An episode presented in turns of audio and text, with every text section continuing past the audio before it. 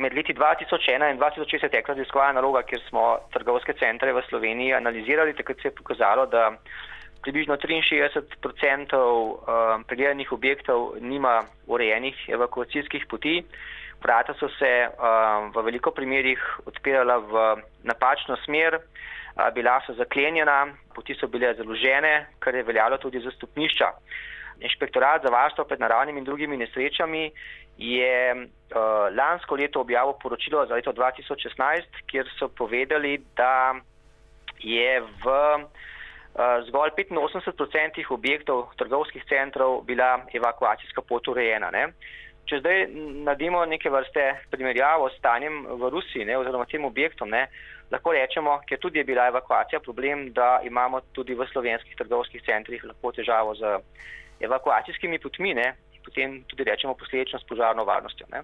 Čeprav lahko rečemo, da veliko teh trgovskih centrov v Sloveniji ima naprave za gašenje požarov, je pa res, da pri teh sodobnih materijalih, in to je tudi recimo bil primer požara v Rusiji, ne, ko zgoreva plastika, nastajajo tako hitro velike količine dima, da tudi naprave za gašenje, ki so, ne uh, uspejo zagotoviti varne evakuacije z objekta.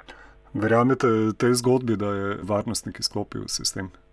Ja, torej možno je. Tudi pri nas smo že imeli take primere. To se lahko recimo zgodi, recimo, če morda izvajajo požarno stražo, pa uh, namensko in zavedno uh, sistem izklopijo, s tem, da ga seveda more potem kasneje vklopiti. Ne.